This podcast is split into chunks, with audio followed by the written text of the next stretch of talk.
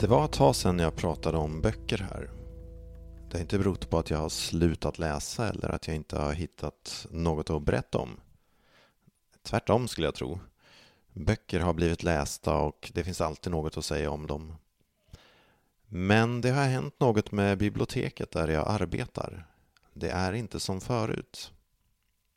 Biblioteket är öppet precis som vanligt och vi som jobbar där står där och försöker hjälpa till på det vis vi får på grund av de restriktioner vi har att förhålla oss till. Nej, men det är något som har hänt med atmosfären i rummet. Det är självklart en följd av att besökare inte ska stanna någon längre stund och att biblioteket inte kan fungera som en mötesplats för tillfället. Men det tog ett tag innan jag förstod vad det var som hade förändrats. Biblioteket har blivit så tyst. Kanske har den här tystnaden, eh, ursäkta ordvalet, smittat av sig på mig och kanske är det därför som det dröjt innan jag har hittat böcker att berätta om. Men när jag en dag skulle ställa in en återlämnad bok på rätt plats så visade det sig vara en bok av Susan Orleon med titeln Biblioteket. Berättelsen om en brand, en stad och kärleken till böcker. Det var svårt att inte läsa baksidan av den boken innan jag ställde den på rätt plats. Nej förresten, boken blev aldrig uppsatt. Istället lånade jag med den hem. Boken handlar om Los Angeles huvudbibliotek och den brand som biblioteket utsattes för 1986. En brand som orsakade att 400 000 böcker förstördes och att 700 000 böcker blev rök eller fruktskadade. Det är på samma gång en bok som försöker ta reda på vad eller vem som orsakade branden som det är en skildring av vad bibliotek är och kan vara. Och för mig är det skildringarna av bibliotekets atmosfär och all aktivitet som där brukar finnas som påminner mig om hur annorlunda vardagen på biblioteket nu blivit. Men Orleans bok innehåller många intressanta personporträtt och visar på hur stark bibliotekets plats i samhället kan vara. Samtidigt som det är ett spännande försök att lösa biblioteksbrandens gåta. Men hon påminner också om att biblioteken nog inte är så tysta som många föreställer sig.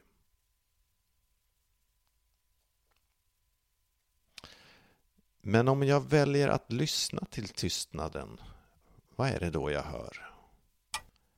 En klocka som tickar, fotsteg, dörrar som öppnas och stängs.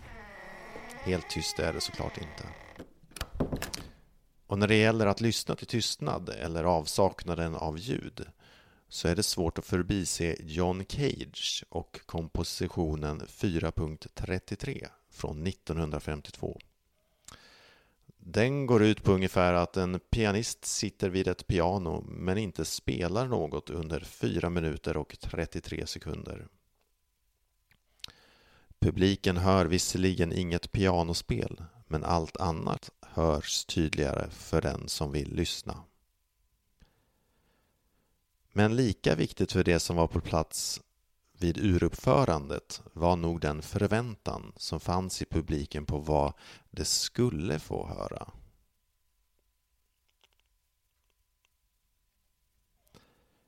På Bokmässan 2016 gick jag för att lyssna till den franske författaren Nina Bourouai. Jag hade blivit glad när jag såg hennes namn i programbladet och skyndade mig bort till salen för att hinna i tid. Jag slog mig ner och satte mig med förväntan på vad jag skulle få höra och ta del av. När samtalet började så kunde jag inte förstå varför Nina pratade på svenska.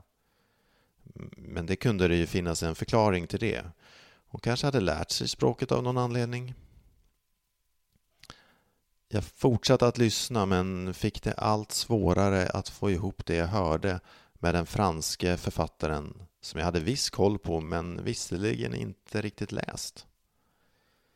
När samtalet visade sig handla om Erasmus av Rotterdam fick jag det allt svårare att övertyga mig själv om att där på scenen satt Nina Bourouai som dessutom såg ut att vara lite äldre än vad jag trodde, pratandes på svenska om teman som jag inte alls kände igen från det jag tidigare läst om henne.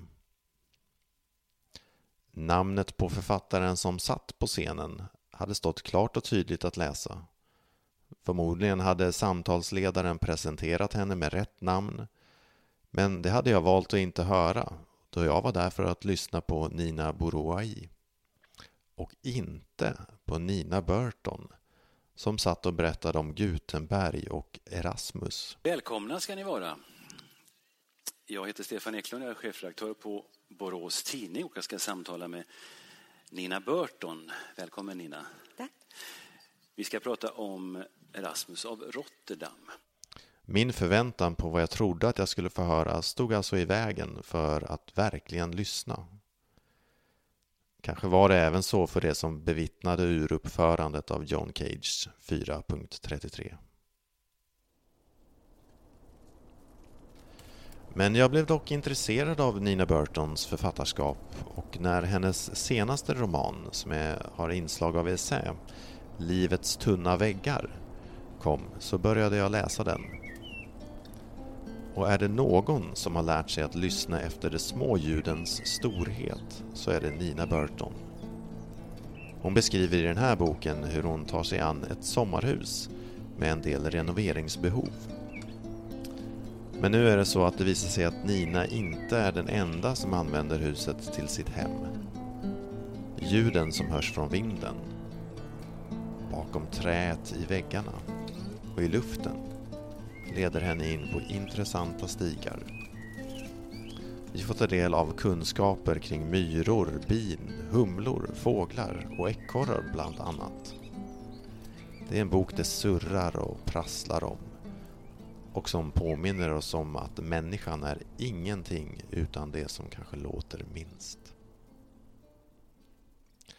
Förhoppningsvis kommer biblioteket att kunna återgå till att vara den här blandningen av aktivitet och fördjupning med möjlighet till tystnad.